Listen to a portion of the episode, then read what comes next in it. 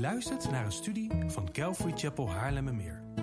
We bidden dat de Heer tot je zal spreken en je zult groeien in jouw persoonlijke relatie met de levende God. Bezoek voor meer informatie onze website calvarychapel.nl. Dat is C-A-L-V-A-R-Y-C-H-A-P-E-L.nl. Goedemorgen en hartelijk welkom op deze laatste livestream van het jaar 2020. Vandaag doen wij het iets anders. Uh, we hebben vanmorgen geen live uh, lofprijs en aanbidding, uh, omdat ik heel graag ja, de, de mensen vrij wilde geven. doen we dat vandaag niet, maar ik heb André wel gevraagd om een lied op te nemen. Dus wij beginnen vanmorgen met één lied en daarna zullen wij de Bijbel induiken met elkaar.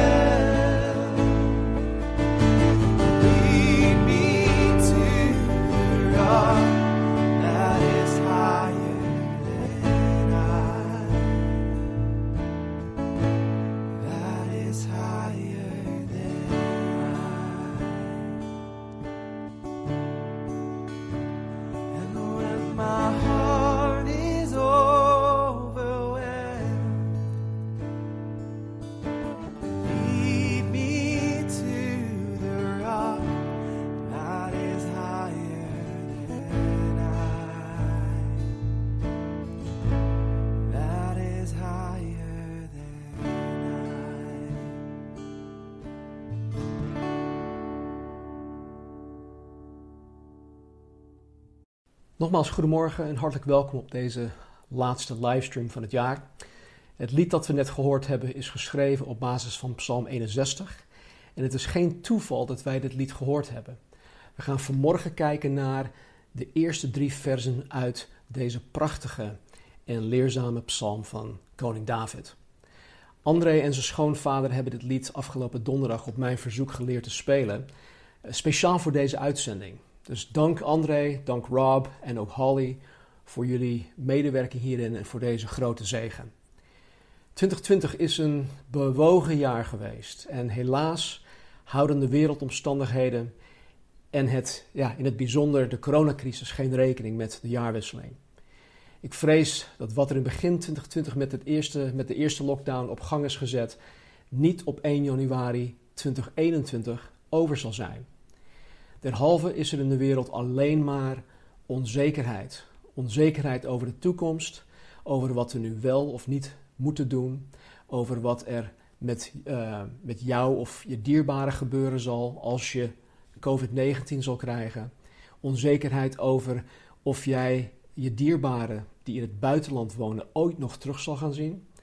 Onzekerheid over je baan, onzekerheid over je scholing, over of je eigen zaak het uh, zal overleven. Uh, onzekerheid over het vaccin. En nu er een vaccin is, hoe het zit met, de, met het gemuteerde virus dat in het Verenigd Koninkrijk naar verluid geconstateerd is. Dus er is heel veel onzekerheid. Ook hebben sommigen dit jaar een dierbare verloren. Sommigen hebben dit jaar te horen gekregen dat zij een dierbare gaan verliezen. En mensen zijn eenzamer dan ooit. Het aantal mensen dat depressief is of die met andere psychische klachten rondlopen, zowel jong als oud, ligt hoger dan ooit.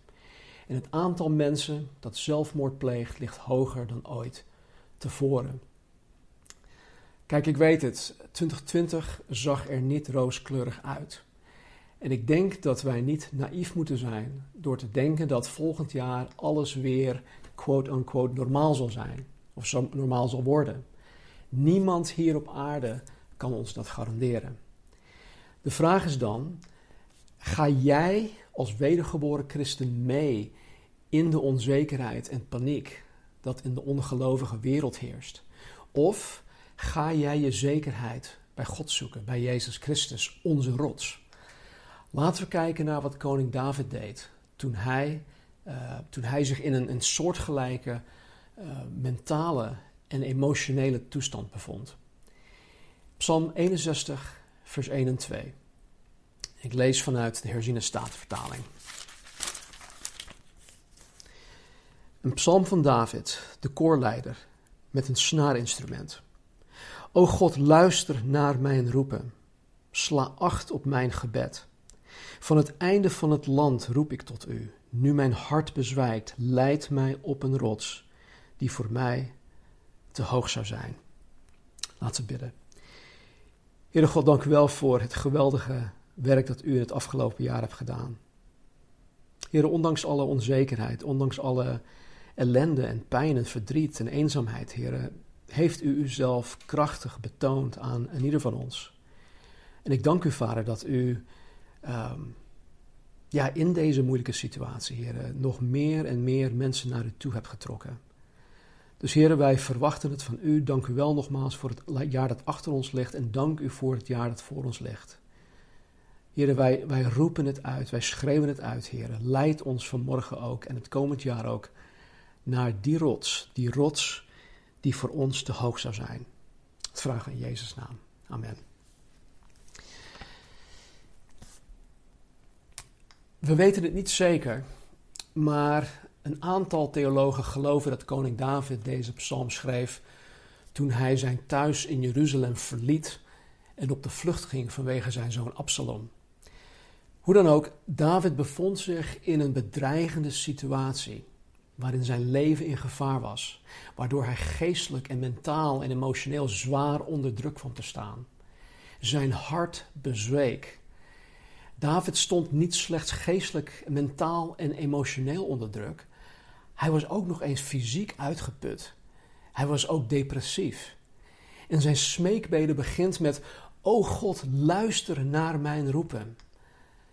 Ondanks zijn ellende en depressiviteit gingen zijn gedachten meteen uit naar zijn God, de God van de Bijbel. Hij kende God, en hij kende God omdat hij al jarenlang met God had gewandeld. Hij kende God omdat, hij, omdat God zichzelf aan David trouw had bewezen. Hij kende God omdat hij Gods woord lief, lief had. En hij wist voor 100% zeker dat Gods woord waar en betrouwbaar is. En omdat hij God zo kende, riep hij tot God vanuit het diepste van zijn wezen. Hij schreeuwde het letterlijk uit. Maar hij wilde zijn pijn en verdriet en angst en benauwdheid niet alleen maar van zich afschreeuwen. Nee, David wilde dat God hem aanhoorde. Hij zocht audiëntie bij God, bij God Almachtig. David schreeuwt uit: sla acht op mijn gebed. David smeekt tot God in alle nederigheid. Maar tegelijkertijd heeft David de vrijmoedigheid om zijn zaak bij God te bepleiten en God om hulp te vragen. Hij dwingt als het ware Gods hulp af. En hij doet dit omdat hij er zeker van is dat God zijn God is en hij Gods geliefd kind. Nogmaals, hij kent God en hij weet hoe God te benaderen.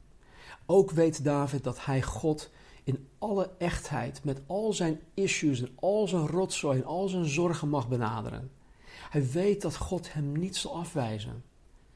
O God, luister naar mijn roepen, zegt David. Sla acht op mijn gebed. O, dat, dat jij en ik met diezelfde afhankelijkheid van God hem zouden aanroepen. En dat jij en ik met dezelfde zekerheid dat God ook op onze smeekbeden acht zou slaan, Gods troon der genade zou benaderen. Wat kunnen wij toch veel van David leren op dit gebied? In vers 3 staat: Van het einde van het land, van het einde van het land, roep ik tot u. Nu mijn hart bezwijkt, leid mij op een rots die voor mij te hoog zou zijn. Nou, als de theologen het goed hebben, was David op het moment van schrijven niet in Jeruzalem. Hij was niet thuis en hij was niet in Gods huis, de tempel, waar hij zo graag wilde zijn.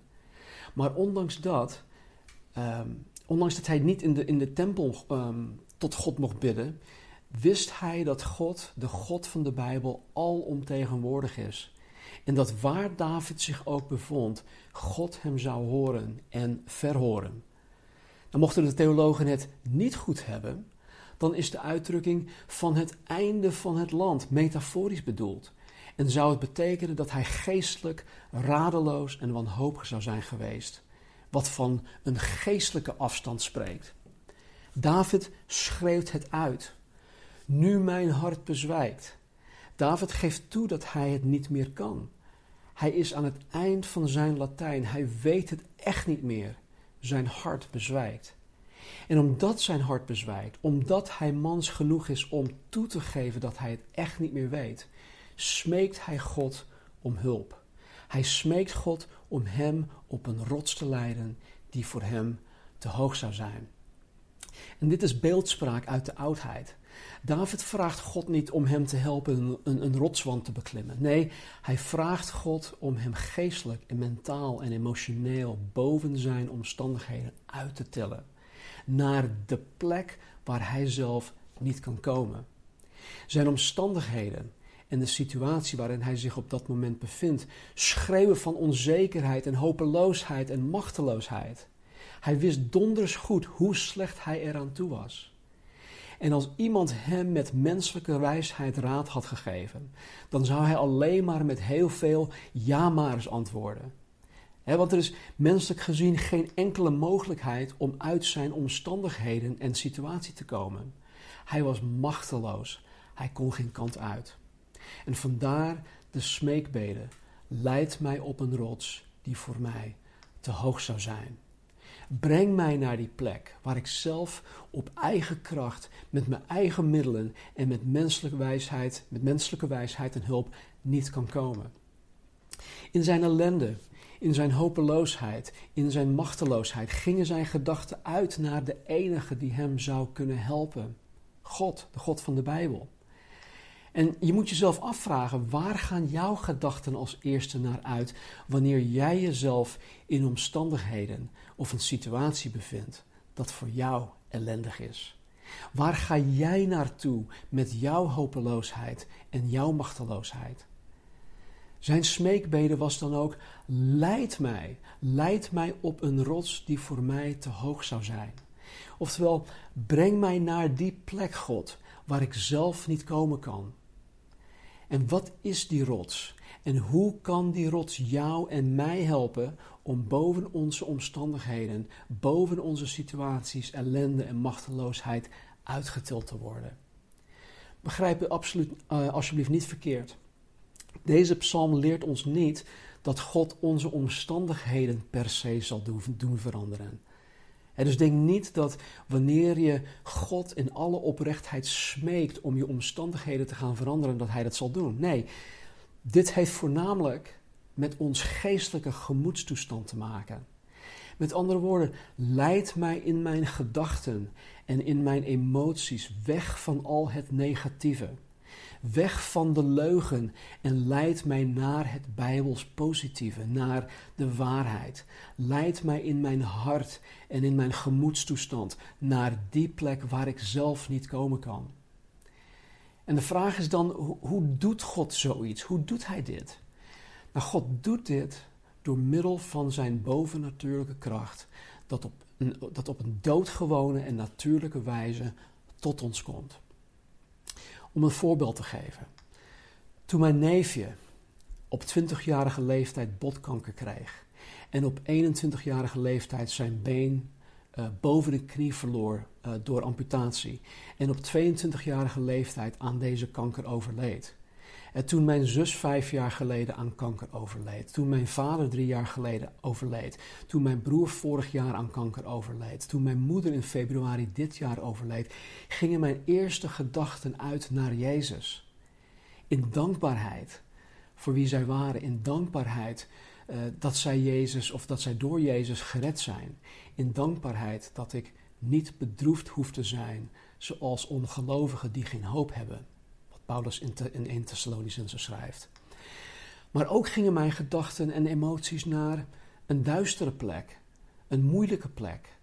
Bijvoorbeeld toen mijn zus Peggy overleed, gingen mijn gedachten uit naar mijn zus Leni, omdat ik me zorgen maakte over haar, die haar tweelingzus van 60 jaar had verloren.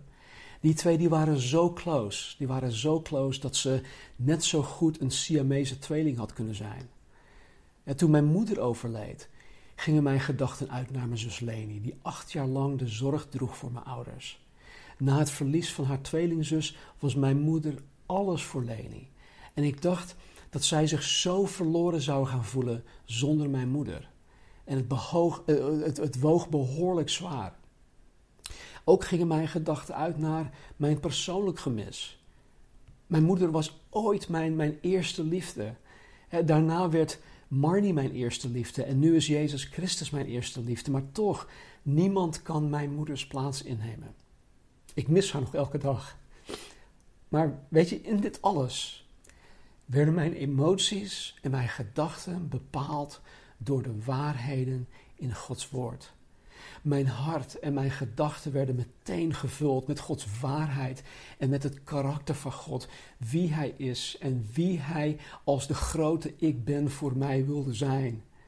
Ik moest denken aan, Psalm 119, 25, waarin de schrijver zegt: Mijn ziel kleeft aan het stof. Maak mij levend overeenkomstig uw woord. Met andere woorden, God, ik lig emotioneel en mentaal verzonken in het stof en ik kom er zelf niet uit. Eh, denk aan uh, hulpeloos vastzitten in drijfzand. Je komt er niet uit. En ik kom er zelf ook niet meer uit, maar u, God, kan mij reanimeren. U kan mijn ziel opwekken met uw leven, overeenkomstig uw woord. Mijn gedachten gingen ook uit naar Psalm 119, 28. Mijn ziel weent tranen van verdriet. Richt mij op overeenkomstig uw woord. Eh, idem dito. Richt mij op, oftewel til mij hierboven uit. Overeenkomstig uw woord, overeenkomstig uw waarheid, overeenkomstig uw beloften. Mijn gedachten gingen ook uit naar Psalm 119:50. Dit is mij tot troost in mijn ellende, dat uw belofte mij levend heeft gemaakt. Kijk, wanneer ik depressief ben, en misschien is dit voor jullie een, een, een ja, een verrassing, maar ik, ik word ook depressief. En, en wanneer ik depressief ben, dan voel ik me zo ellendig. Dan wil ik niemand zien, ik wil niemand spreken. Dan wil ik het huis niet uit, dan wil ik me niet aankleden, dan blijf ik het liefst in mijn bed liggen. Depressiviteit doodt heel veel dingen in een mensenleven. Maar hier schrijft de psalmist dat Gods belofte, Gods woord hem uit zijn ellende en uit zijn depressie heeft gehaald en hem weer levend heeft gemaakt. Mijn gedachten gaan ook uit, vooral uit naar dit. Psalm 119, vers 162. Ik ben verblijd over uw woord als iemand die een grote buit vindt. Dit is zo prachtig, dit is zo veelbetekenend. Waar mijn situatie of de omstandigheden waarin ik mij bevind, het uitschreeuwen van ellende, het uitschreeuwen van hopeloosheid en machteloosheid, kan ik mij verblijden, kan ik mij tegelijkertijd verblijden in het woord van God. Zelfs zo als iemand die een grote buit vindt. Stel je voor dat je, zoals eh, Jacques Cousteau, de Franse onderzoeker en ontdekkingsreiziger van de vorige eeuw, op zoek bent naar gezonken schepen uit de 16e of 17e eeuw. En dat je dan zo'n, na, na heel lang zoeken zo'n schip ontdekt, diep onder de zee, waarin grote schatkisten vol goudstukken en gouden munten geborgen zijn. En zo blij als deze Jacques Cousteau zou zijn bij het vinden van zo'n schat, zo blij was de psalmist bij het ontdekken van de waarheden in Gods woord. En dit is wat David bedoelde met leid mij op een rots die voor mij te hoog zou zijn. En dit is dan ook waarom Paulus aan de Colossense schreef in Colossense 3 vers 16: Laat het woord van Christus in rijke mate in u wonen.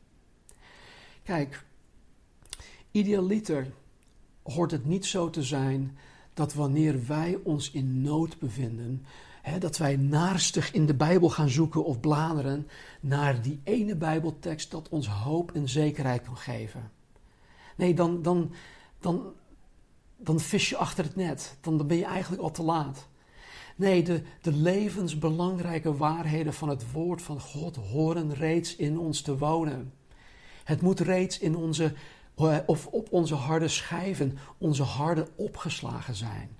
zodat op het moment dat een crisis zich voordoet, het in, ons, het in ons opgeslagen woord van God direct door de Heilige Geest in ons opkomt en ons kracht geeft en ons leven geeft en ons leiding geeft. Om ons helpt om, om te weten wat we in zo'n crisis moeten gaan doen. Kijk, wat ik hierbij ook wil zeggen, is dat wanneer God ons op die rots leidt die voor ons te hoog zou zijn, wij niet per se zullen begrijpen wat er al zo gaande is. Of dat wij begrijpen waarom dit ons overkomt. 9 van de 10 keer begrijpen wij het niet. 9 van de 10 keer weten we ook niet waarom dit ons overkomt. Soms, als God het ons toelaat, zullen wij achteraf te weten komen wat er gaande was en waarom het ons overkwam. Maar er is geen garantie. En ik moet ook denken aan de woorden van uh, uit, uit Jesaja, Jesaja hoofdstuk 55. Dit zijn zulke uh, troostende woorden ook voor mij, vooral in zulke situaties. En God zegt, mijn gedachten zijn niet uw gedachten. En uw wegen zijn niet mijn wegen, spreekt de Heer. Want zoals de hemel hoger is dan de aarde, zo zijn mijn wegen hoger dan uw wegen en mijn gedachten dan uw gedachten. God belooft ons niet dat wij alles gaan begrijpen. Maar hij belooft ons wel dat hij ons vooral in die situaties vrede zal geven. Ik moet denken aan de woorden van Paulus. Paulus schrijft in Filippenzen 4, 6 en 7. Wees geen ding bezorgd, maar laat uw verlangens in alles door bidden en smeken met dankzegging bekend worden bij God.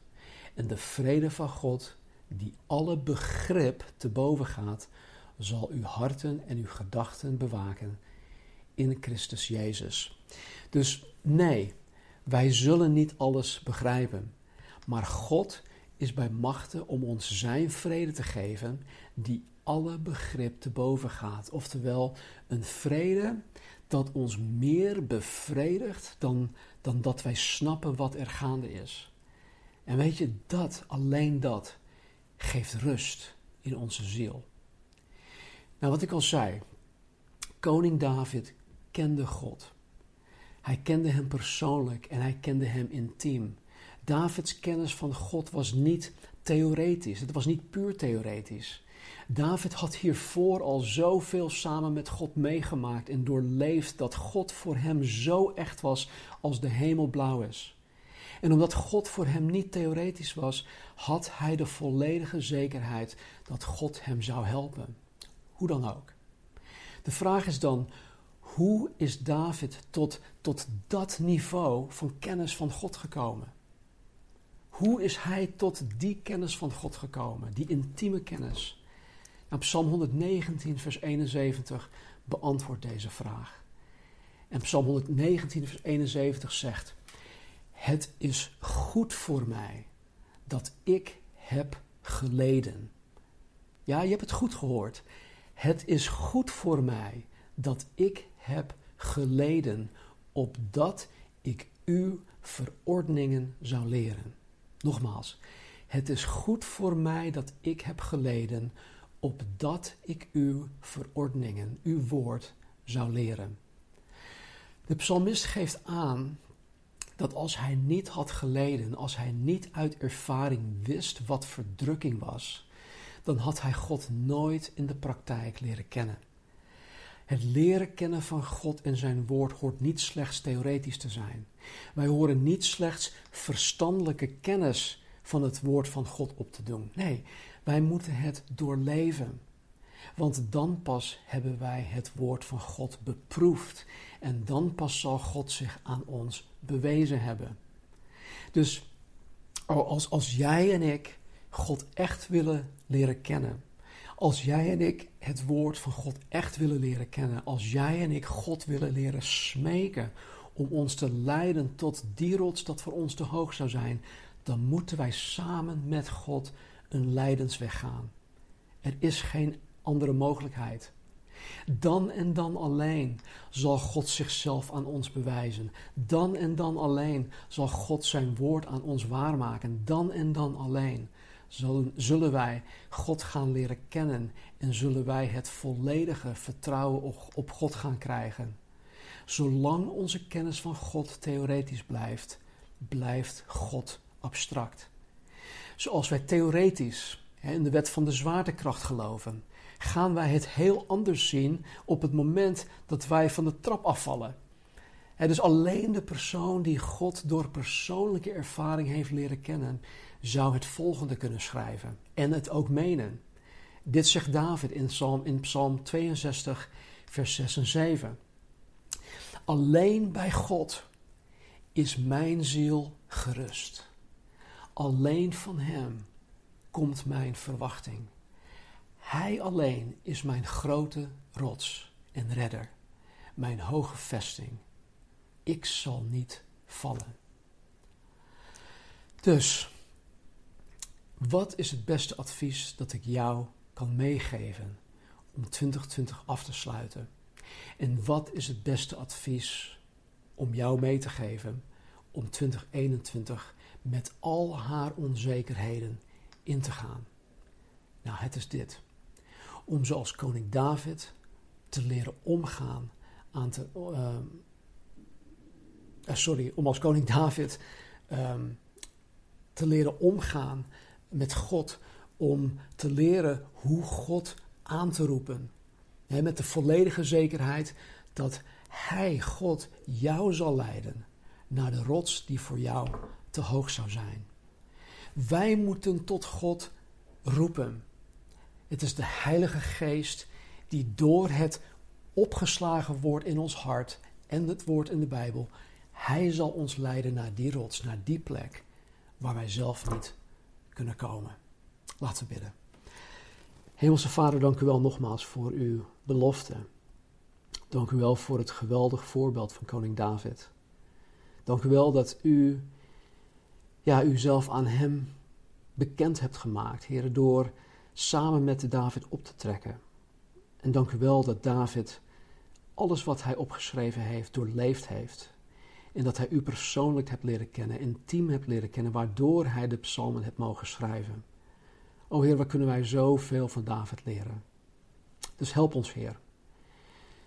In welke situatie, in welke omstandigheden wij ons op dit moment ook bevinden. Help ons, Vader. Help ons om, om uit te roepen.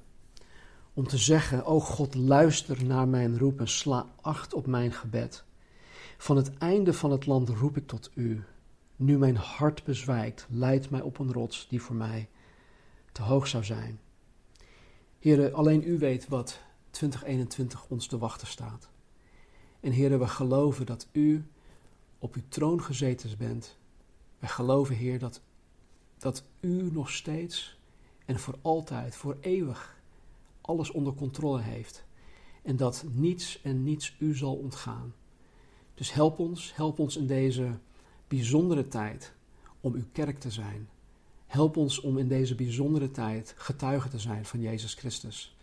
Help ons om waardig te wandelen, Heer, de, roeping waarmee wij geroepen zijn.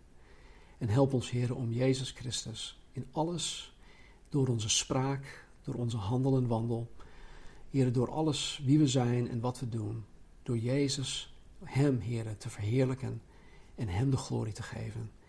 Heer, voor uw uh, genot en voor onze zegen.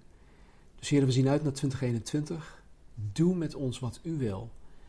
En Heer, er is geen andere manier om u te leren kennen dan u te beproeven door middel van een lijdensweg. Dus als dat zo, uh, ja, zo, zo moeten zijn, Heer, voor 2021, Heer, dan zo so be. We vertrouwen op u. Wij verwachten het alleen van u.